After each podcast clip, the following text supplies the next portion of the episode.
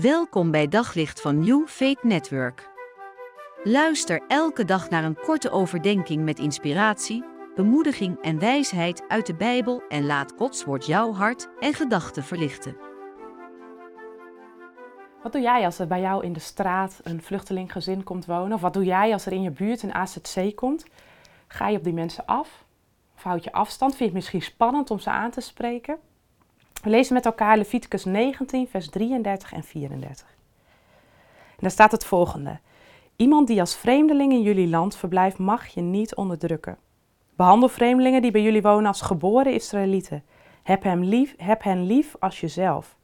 Want jullie zijn zelf vreemdelingen geweest in Egypte. Ik ben de Heer, jullie God.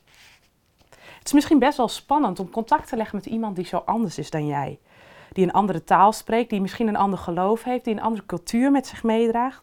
Maar keer het nou eens om. Misschien ben je zelf wel eens ergens nieuw gaan wonen. Verhuisd naar een nieuwe stad en je kende er nog nauwelijks iemand. Of op een feestje waar je bijna niemand kent. Ken je dat gevoel?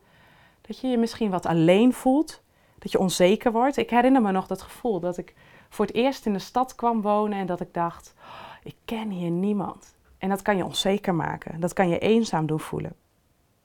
Als ik niemand in mijn eigen straat ken of niemand mij herkent, wat doe ik hier dan eigenlijk?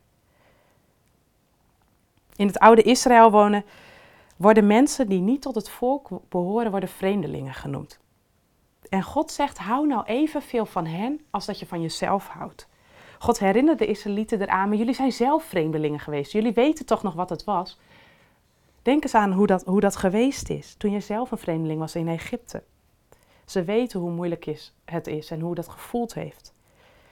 En juist daarom zouden ze liefdevol kunnen handelen.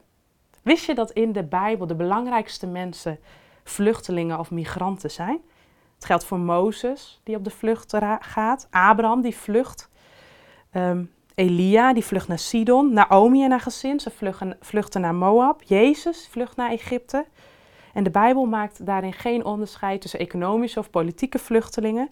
Maar wat blijkt maar weer dat God juist die mensen met hun vluchtelingenachtergrond gebruikt. Wat een actuele boodschap om van vreemdelingen te houden en ze meer dan welkom te heten. Want zijn we niet allemaal te gast hier op deze aarde? Op zoek naar nog meer geloof, hoop en liefde. Op New Network vind je honderden christelijke films, series en programma's. Nog geen lid? Probeer het 14 dagen gratis op newfaithnetwork.nl.